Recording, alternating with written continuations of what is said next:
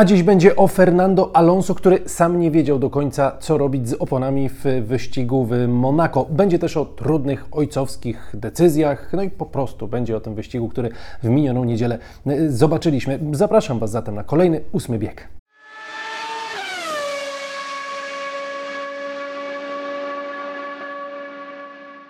Na początek oczywiście tradycyjnie klasyfikacje generalne, no i zwróćcie uwagę, 39 punktów traci już Sergio Perez do Maxa Verstappena po sześciu wyścigach w tym sezonie, a coraz bliżej Sergio jest Fernando Alonso. I naprawdę Meksykanin musi zacząć e, spoglądać też za swoje plece. I to mimo takiej przewagi tempa, jaką Red Bull w tym sezonie ma. Dopiero szóste i siódme miejsce dla kierowców Ferrari wygląda. To naprawdę bardzo, bardzo źle dla tej e, ekipy. Jeszcze klasyfikacja zespołów. No tutaj e, oczywiście ta przewaga Red Bulla tylko będzie w tym sezonie rosnąć i nie mamy wątpliwości, że tutaj po prostu nic się do końca tego sezonu e, w tej klasyfikacji e, nie zmieni, jeśli chodzi o pierwsze miejsce. Za sekundkę dosłownie przejdę do Monako, ale zanim o Monako to jeszcze minutka o naszych juniorach, którzy w miniony weekend rywalizowali. W Monako też rywalizował Piotrek Wiśnicki w Formule 3. Pierwszy wyścig, tam była taka obrona Częstochowy w wykonaniu Piotrka, 18 pozycja na mecie ostatecznie, no a drugi wyścig to 22 miejsce na e, mecie trudny to był weekend, bo w Monako juniorom po prostu zawsze się jeździ trudno i przez ostatnie lata zresztą Formuła 3 do e, Monako nie przyjeżdżała.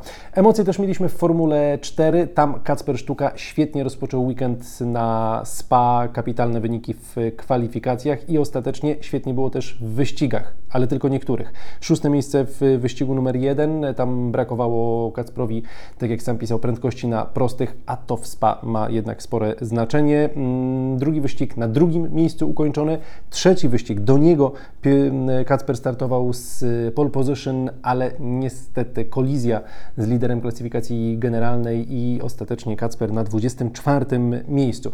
Na ten moment Kacper jest piąty w generalce, więc dalej trzymamy e, kciuki. A ja przechodzę do Monako i jestem ciekaw Waszej opinii, bo ja nie ukrywam, że ja należałem i chyba trochę dalej należę, chociaż już sam nie wiem co myśleć, do lekkich krytyków tego, że Monaco dalej jest w kalendarzu Formuły 1, ale kurczę, no to był naprawdę dobry weekend. Sobota, dla mnie sobota emocjonalnie, to nie wiem, czy to nie był jeden z lepszych momentów w ogóle jak na razie tego, tego sezonu. Autentycznie miałem ciary na plecach, autentycznie buzowały we mnie emocje, kiedy widziałem, jak tam Fernando jedzie przy ścianie, jak Max te, te bariery wręcz, wręcz dotyka, jak panowie walczą o, o pole position w sobotę. Kwalifikacje lepsze od niejednego wyścigu w tym, w tym sezonie. Wyścig też nie był zły, naprawdę było, było przyzwoicie, więc już sam nie wiem, co myśleć o tym Monako, czy on powinien mieć zagwarantowane niemalże to miejsce w kalendarzu, czy jednak powinniśmy pomyśleć o tym, że no, nie oszukujmy się, gdyby teraz Monako chciało wejść do kalendarza Formuły 1 jako to z zewnątrz, nie ma szans na to. E, jest w tym kalendarzu przez otoczkę, przez historię, e, samo ściganie zwykle jest średnie, ale są też takie weekendy jak ten. Dajcie znać, co Wy myślicie o tym, e, o tym torze i czy on powinien już tak na stałe zostać w tym kalendarzu i w ogóle nie powinniśmy mieć co do tego żadnych wątpliwości. A ja przechodzę do omawiania tego wyścigu. Za chwilę powiem o wygranych i przegranych, ale najpierw chciałem trochę więcej powiedzieć na temat e, tej strategii Fernando Alonso, strategii, którą Aston Martin w jego przypadku wybrał, bo wiele jest e, pytań i takich wątpliwości, czy gdyby Fernando nie zjechał e, po e, opony pośrednie, tylko zamiast tego założył, a może nawet jeszcze chwilę wcześniej, założył e, opony przejściowe, albo jeszcze został na tych twardych oponach nieco, nieco dłużej, gdyby, jeśli rzeczywiście myśleli, że może ten deszcz ustanie, to co by się stało? Czy Fernando miałby szansę ten wyścig wygrać, czy nie? No i patrząc na tę sytuację, ja sobie przeanalizowałem to w, z kamery pokładowej Fernando i słuchałem komunikacji radiowej, którą on prowadził ze swoim e, inżynierem. No i to nie jest tak, że jemu ten wyścig popsuł zespół, w sensie popsuł, no jest na drugim miejscu, ale to nie jest tak, że to była decyzja zespołu, że musisz zjechać, zakładamy pośrednia, Fernando pokrzykiwał, że nie, ja chcę przejściowe. Nie. Zespół zapytał się Fernando, co myśli o sytuacji na torze. Fernando powiedział, że część toru jest mokra i absolutnie tam powinniśmy mieć opony przejściowe, ale reszta toru y, zasługuje na sliki. Sam nie wiem, powiedział Fernando o tej sytuacji, która wtedy była na torze. No i chwilę później zespół powiedział mu: Dobra, zjeżdżamy, zakładamy y, mieszankę y, średnią. No i Fernando jakby to potwierdził i zjechał do, do boksu bez żadnych tutaj wątpliwości. No i sam też po wyścigu mówił, że w momencie, w którym zjeżdżałem, część toru była kompletnie sucha. Nie chcieli jakoś bardzo ryzykować, wiedzieli, że mają czas, żeby ewentualnie później jeszcze zjechać po opony przejściowe i tak się ostatecznie stało, bo wiemy, że ostatecznie ta decyzja o zjeździe po pośrednią mieszankę nie była jakaś, jakaś cudowna. Ale mm, Fernando Alonso mówi, że my i tak byliśmy odważni strategicznie, bo i tak na starcie postawiliśmy na inną mieszankę niż Red Bull, postawiliśmy na twarde e, opony, ale byliśmy zaskoczeni tym, że Max tak świetnie dbał o opony, że ta pośrednia mieszanka, którą Max miał na starcie, tak długo mm, wytrzymała. No i Fernando podsumował, że Max wygrał nie dlatego, że my popsuliśmy strategię, czy dlatego, że y, po prostu strategicznie można to było jakoś inaczej rozegrać, tylko był szybszym kierowcą. No i tu się można z Fernando y, zgodzić. Y, Mike Crack, czyli szef Astona, jeszcze powiedział, że my myśleliśmy, że to będzie taki Y, bardzo krótko trwający y, deszcz. Oni dlatego zjechali po opony pośrednie, bo myśleli, że za chwilę ten deszcz ustanie i ta pośrednia mieszanka rzeczywiście wtedy byłaby dobrym y, wyborem. No ale Krak przyznaje, że nasz radar pogodowy nie był zbyt dobry, bo za chwilę tego deszczu spadło jeszcze trochę więcej, a oni tego zupełnie się nie spodziewali. Gdyby wtedy rzeczywiście przestało padać, byłaby szansa, żeby coś powalczyć. I znowu to pytanie, czy gdyby Fernando zjechał na te y, opony przejściowe, po te opony przejściowe, czy wygrałby ten wyścig? Można sobie to teraz próbować jakoś liczyć, ale nie zapominaj, i z tych wyliczeń wychodzi, że na pewno byłby dużo, dużo bliżej Maxa Verstappena. Może nawet rzeczywiście byłby przed Maxem, ale nie zapominajmy, że Max zjeżdżając y, po tym pit stopie e, Alonso jechał już zupełnie innym tempem, jechał ze świadomością, że ma kolejnego kierowcę wiele, wiele, wiele sekund za sobą, nie musiał na tym okrążeniu zjazdowym, wyjazdowym jakkolwiek ryzykować, ryzykować. jechał sobie bardzo spokojnie, bardzo powoli. Nie wiemy, co by było, gdyby, gdyby to zagrożenie ze strony Astona było dużo e, większe, więc o tym też nie zapominajmy. To nigdy nie jest, znaczy nigdy, w tej sytuacji akurat to nie jest taki, e, taka, taka sprawa, którą możemy jakoś zero-jedynkowo ocenić. Może była szansa na to, żeby rzeczywiście z Maxem powalczyć, ale no, to też jest wyścig bardzo trudny strategicznie do, do oceny w kontekście takiego padającego deszczu, bo widzieliśmy sami w telewizji, że w jednym miejscu toru było sucho, w drugim było, było mokro e, i tak naprawdę, wbrew pozorom, e, zespoły nie mają dużo więcej danych na temat tego, co się dzieje z torem. Rozmawialiśmy na ten temat w ten weekend, ja też pytałem Marcina Budkowskiego i Patryka Sokołowskiego, jak to wygląda w kontekście e, oceny tej sytuacji pogodowej na torze. No, mówią, że to po prostu są radary pogodowe takie w miarę ogólnodostępne. To nie jest jakaś wojskowa czy kosmiczna technologia. Niektóre zespoły mają swoich ludzi na torze, fotografów, którzy robią zdjęcia i oni ewentualnie mogą dać znać, gdzie robi się gorzej, gdzie robi się lepiej, gdzie ten deszcz zaczął padać, a gdzie nie. E, ale generalnie to nie jest tak, że zespoły po prostu mają e, coś niesamowitego i najlepszych meteorologów na świecie. Może e, powinni, choć nie wiem, czy tak da się co do sekundy tę pogodę przewidzieć. W każdym razie Fernando, oczywiście wielki wygrany tego weekendu to, co było w kwalifikacjach. Ja to Wam nie będę teraz mówił tych wielkich e, słów, bo każdy z Was to widział, każdy z Was to przeżył. To było coś wielkiego i pięknego. Po prostu ta walka Fernando i, Verstappena. Verstappena, który oczywiście jest kolejnym bohaterem tego weekendu, kolejnym wielkim wygranym, kierowcą, który w ekstremalnie trudnych warunkach praktycznie nie popełniał żadnych błędów. Były momenty, w których był blisko ścian w wyścigu, w których blokował koła. Sam mówił, że po prostu było, było bardzo trudno. E, ale ostatecznie no, wykonał fenomenalną e, robotę. E, ten tor pokazuje, znaczy potrafi jakby uwypuklić, który zawodnik ma to coś, ma ten taki dodatkowy czasami gdzieś przełącznik w głowie, który, który sprawia, że jedziesz jakieś fenomenalne kółko pojedyncze albo, albo fenomenalny wyścig i tak było z Fernando, tak było z, z Maxem, z Okonem w kwalifikacjach, tak było naprawdę, to były fenomenalne kółka.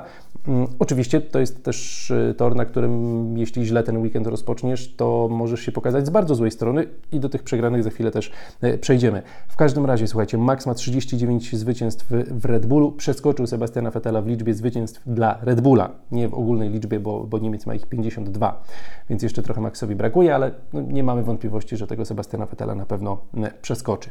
Jeszcze w kontekście tej strategii Astona, Christian Horner się wypowiedział w telewizji Sky, yy, powiedział, że był zaskoczony tym, że yy, Aston zjechał po oponę pośrednią i to sprawiło, że trochę odetchnęli z ulgą, bo bali się, że może być rzeczywiście jakaś nerwowa sytuacja. Dodał też Christian Horner, że jego zdaniem oni zjechali jedno okrążenie za późno po opony yy, przejściowe. Alonso, Verstappen, e, Ocon, fenomenalne kwalifikacje. W wyścigu trzeba było się bronić e, umiejętnie i dobrze ten wyścig też strategicznie rozegrać. To wszystko wyszło, więc też absolutnie kierowca wygrany, jeśli chodzi o ten weekend. Dorzuciłbym do tego grona Louisa Hamiltona i Mercedesa jako zespół, bo przywieźli te poprawki, e, te poprawki dały jakiś zysk. Oni jeszcze sami nie są w stanie powiedzieć, jak duży i, na ile ten samochód tak mocno rzeczywiście się zmienił, ale było lepiej i mówił o tym i George Russell i, e, i Hamilton. Tak naprawdę, co będzie z tym, z, z tym samochodem i jak wiele jeszcze on ma tempa do odblokowania, dowiemy się w, w Hiszpanii do której lecę, więc będę Wam to wszystko e, relacjonował w Viaplay i tutaj też się postaram jakiś odcineczek, e, co najmniej jeden nagrać, e, więc Mercedesa tutaj wyróżniam. Wyróżniam Hamiltona, bo pojechał dobre kwalifikacje i dobry wyścig, czwarte miejsce. Słuchałem jego komunikacji radiowej, naprawdę radość po tym czwartym miejscu była gigantyczna przypomniały się te czasy, kiedy oni seryjnie wygrywali. To był komunikat w takim tonie e, utrzymany. Powiedział, że wierzę, wierzę w Was, wierzę w Mercedesa. Tak jakby chciał jeszcze przypomnieć, że te wszystkie plotki e, dotyczące kontraktu jakiegoś z Ferrari czy jakiegoś przejścia nie mają żadnego, e, żadnego sensu. No i sam Hamilton chwalił samochód, mówił też, że trudno było rozgrzać opony, no i że te pełne odpowiedzi poznają dopiero w Hiszpanii. Zastanawiałem się jeszcze, kogo mogę tutaj takiego nieoczywistego dorzucić do wygranych i dorzuciłem Oscara Piastriego, bo miał naprawdę dobre kwalifikacje. Ten samochód nie jest jakiś super łatwy w prowadzeniu. E, on jest debiutantem, a to jest Monaco i wyścig był deszczowy w Monaco i Piastri dojechał w punktach, więc duże brawa, bo wydaje mi się, że naprawdę e, dobry weekend. Tuż za Lando Norrisem ukończył ten wyścig Piastri, więc jak dla mnie jeden z wygranych.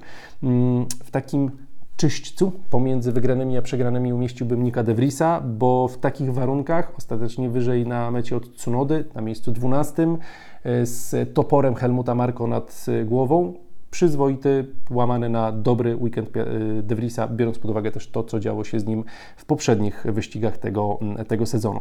Jeśli kogoś Wy byście dorzucili innego do wygranych albo przegranych, to, to oczywiście piszcie to w komentarzach. No i właśnie, do tych przegranych teraz przechodzę. Słuchajcie, Ferrari, szósta i ósma pozycja na, na mecie. Nie będę Wam tutaj opowiadał, co w tym wyścigu złego się działo z Ferrari, bo to wszystko widzieliście. I to nie był tylko wyścig, ale też kwalifikacje w przypadku Charlesa Leclerca e, i to wypuszczenie go tuż pod koła Lando Norrisa w, w tunelu, znaczy wypuszczenie, nie poinformowanie go, że, że Norris odpowiednio wcześnie, że Norris się do niego zbliża. Mm, ja mam wrażenie, że Fred Wasser tak naprawdę cały czas dopiero poznaje to, e, jakby ile rzeczy w tym zespole nie działa, nie działa dobrze. Bo najłatwiej jest mówić, zła strategia Ferrari, tam wyrzucić człowieka od strategii, zastąpić go innym, zły inżynier w, w, w, w przypadku Charlesa Leclerca, bo go o tej sytuacji nie poinformował. To są takie pojedyncze błędy, ale to też jest jakiś cały taki mm, zbiór tych wszystkich błędów i to nie jest tak, że mm, ok, za, y, to, za tę sytuację z Norrisem odpowiada inżynier wyścigowy Leclerca, ale już za strategię to nie jest tak, że to jest jedna osoba, tylko to jest cały zbiór, y, zbiór osób. Y, to, jak wygląda komunikacja Sainza z jego inżynierem wyścigowym w trakcie wyścigu, to też brzmiało słabo i Carlos był sfrustrowany, był zdenerwowany, a raczej powinno być odwrotnie, raczej po rozmowie z inżynierem teoretycznie powinien być uspokojony, a tutaj mam wrażenie, że on tylko bardziej się, e, bardziej się nakręcał. Mm, więc e, ja mam wrażenie, że dopiero Fred poznaje, co tam się tak naprawdę dzieje, ile tam jest rzeczy do, do naprawienia e, jak długa to jest droga przed, przed Ferrari, żeby nie tylko zbudować dobry samochód, ale później też operacyjnie dobrze wyglądać kurczę, no to był weekend, w którym Ferrari miało być szybkie, bo w kwalifikacjach byli zawsze szybcy w tym sezonie. Przychodzi weekend, w którym kwalifikacje są najważniejsze i Ferrari nie jest szybkie w, w, tej sesji. Dodatkowo jeszcze jakiś kierowca zrobił dobry wynik, był trzeci w kwalifikacjach, to błąd zespołu i spada na szóste pole e, startowe. Góra błędów e, Ferrari jest w tym momencie gorsze od Mercedesa, jak sobie tak spojrzymy na ten weekend e, i jestem ciekaw, jak będzie w, w Hiszpanii, ile Mercedes tego potencjału odblokuje, ale wygląda to bardzo, bardzo, bardzo źle dla ekipy z Maranello. Bardzo źle w ten weekend wyglądał też Lance Stroll. Widziałem takie memy łamane na wideo, że tam Lance Stroll się zachowywał jak ktoś, kto pierwszy raz siada do jakiejś gry F1, gdzie po prostu jedzie w Monako i się obija od ściany do ściany, bo momentami tak to rzeczywiście e, wyglądało. Kurczę, no wielka szkoda tych punktów dla Strona straconych, bo był potencjał w tym samochodzie, jest cały czas potencjał w tym samochodzie. Lance ma dobre momenty, ale znowu ma takie weekendy jak, jak ten, które Fernando się przecież nie zdarzają. E, I, i, I, widzimy, że to na pewnym etapie będzie na pewno problem dla, e, dla Astona, taki, że tych punktów może zacząć brakować. Ten drugi mocny kierowca na pewno by się przydał. Może Lance się poprawi, może to, co teraz mówię, w ogóle nie będzie miało sensu za, za czas jakiś ale no, zastanawiam się, jeśli to pójdzie, i też tak się w Viaplay zastanawialiśmy z Bartkiem Budnikiem, gadaliśmy, co jakby zrobi Lawrence Troll, kiedy zacznie widzieć, że Fernando wyciska z tego samochodu pierwszy rząd, regularne podia, a Lance dojeżdża 9, 10, 8, 7, 11, 15 albo nie dojeżdża. No to jest problem dla zespołu, to jest problem dla marki Aston Martin, e, to jest e, problem finansowy też, bo, bo, bo mniej wygrywasz w sezonie, e, jeśli zajmiesz niższe niż wyższe miejsce w klasyfikacji konstruktorów wyobrażając sobie jakąś ekstremalną sytuację, Fernando walczący o tytuł mistrza świata za jakiś czas, Lance Stroll powinien mu pomagać, może być z tym problem. I nie wiem, czy Lawrence Stroll byłby w stanie podjąć decyzję na jakimś etapie, że no dobra, rzeczywiście, jakby to nie ma sensu, musimy mieć drugiego, lepszego kierowcę. Wydaje mi się, że nie podejmie takiej decyzji i to będzie trochę dziwna e, sytuacja. Jestem ciekawy, w którą stronę to, e, to pójdzie. Podobny, podobnie w, ten, w tym wyścigu wyglądał do Lansa Strolla e, Sergio Perez od kwalifikacji do końca wyścigu. No, no, no po prostu mam wrażenie, że Sergio tego wyścigu to najchętniej by w ogóle nie jechał. Potem będzie w kwalifikacjach, jak ja na niego patrzyłem, słuchałem to, co mówi i jak mówi, wydawało mi się, że dla niego to już jest dobra. Przejedźmy to szybko i e, po prostu znowu idę na jacht, jak w zeszłym roku i się napiję, tylko że ze smutku, a nie z, a nie z radości.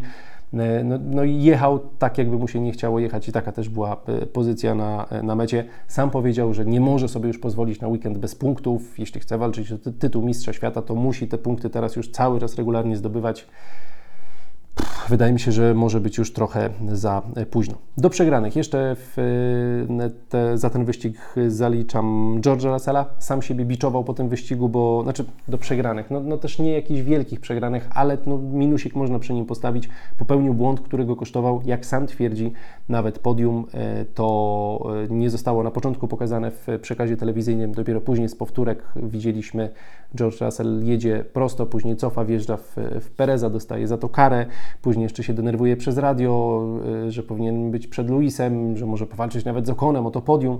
No ostatecznie przyznał po wyścigu, że po prostu to był słaby wyścig od pewnego momentu w jego, w jego wykonaniu i bierze winę na siebie, bierze to na klatę i przeprasza y, zespół. Y, podobnie brzmiał Logan Sargent, który w komunikacji radiowej po wyścigu powiedział, że to była katastrofa. W takich krótkich słowach określił ten wyścig i tutaj nie ma wiele do dodania, poza tym, że właśnie słuchając tej komunikacji radiowej, y, nawet tam Vowels się włączył do, do, do tej komunikacji, też inżynier wyścigowy Sargenta, próbowali go tak udobruchać, mówiąc, no były błędy, ale też były dobre momenty, nie martw się, więc tam no y, gorąco było u, u Sargenta, bardzo trudny, trudny weekend, też taki koszmarny i do, i do zapomnienia, mm, no i on na razie zaczął sam ten sezon, sam początek miał przyzwoity, a później jakby wygląda to na razie coraz e, gorzej. Jestem ciekaw, e, no też w Williamsie nie jest łatwo jakoś super dobrej strony się pokazać, ale mm, można i to pokazuje Alex Albon, więc jestem ciekaw, czy Logan Sargent będzie w stanie jeszcze się tutaj jakoś e, podnieść. I ode mnie to dzisiaj wszystko. Jeśli macie coś do dodania, piszcie w komentarzach, a z Wami spotykam się, mam nadzieję, w najbliższy czwartek. Nagram coś z Barcelony, więc trzymajcie się, do zobaczenia. Cześć, cześć.